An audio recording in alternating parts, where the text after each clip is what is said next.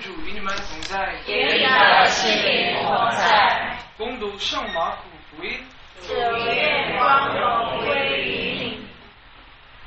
那时候，耶稣对十一位宗徒们宗徒说：“你们往全世界去，向一切受造物宣扬福音。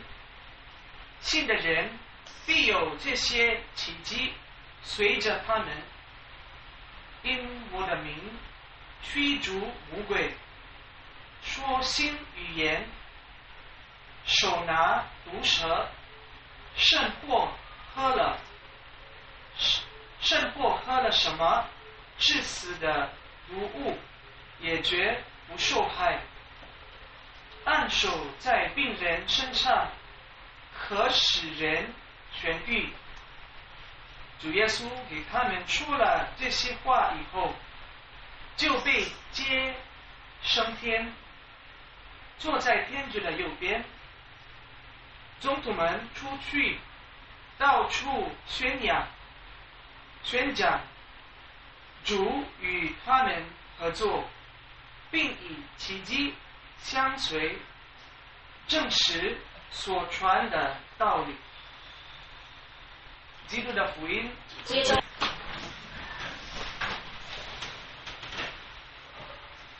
我问孩子我是大人，大部分的人。很喜欢听故事。我们讲故事的时候，一定会吸引很多人。但是讲故事不是问题，我们讲的故事是不是有真理？是不是有爱？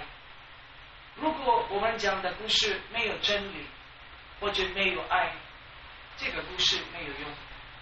虽然它很吸引人，那。最美的一个故事是，这个故事有天主的爱。每当我们听故事，我们看到天主的爱，真的这个一定不只是会吸引我们，会帮助我们克服很多问题，会启发我们。今天的圣人圣马虎，他很讲故事。他讲的不只是普呃普通的故事，他讲的是天主的爱的故事，天主的真理的故事，那就是耶稣的生命、死亡和复活。所以，为什么马虎写的故事很吸引很多人？虽然他的故事很短，但是因为他的故事有真理、有天主的爱，所以他的故事。能够治愈我们，能够拯救我们，因为他的故事是天主的故事，天主的话。我们也可以每天讲故事。讲故事的意思不是说说话，但是通过我们的生命，我们已经讲故事了。在每每天的生命，我们给大家讲我们的故事。那我我们的故事，如果有真理，有天主的爱，天主的真理，这个故事会帮助很多人。这个故事会帮助他们达到天主的治愈，天主的救恩。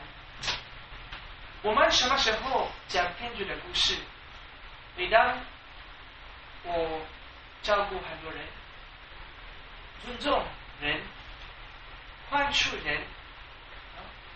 爱和为人服务，无论他是什么样的人，我的家人、我的朋友、我的同伴，谁我碰到的人，每当我表达这个爱、这个照顾、这个尊重、这个宽恕，我讲了天主的故事，因为通过我的生命，他们体验到了天主，也听到了天主的话，所以我们基督徒。我们的使命是这个：讲故事，传福音。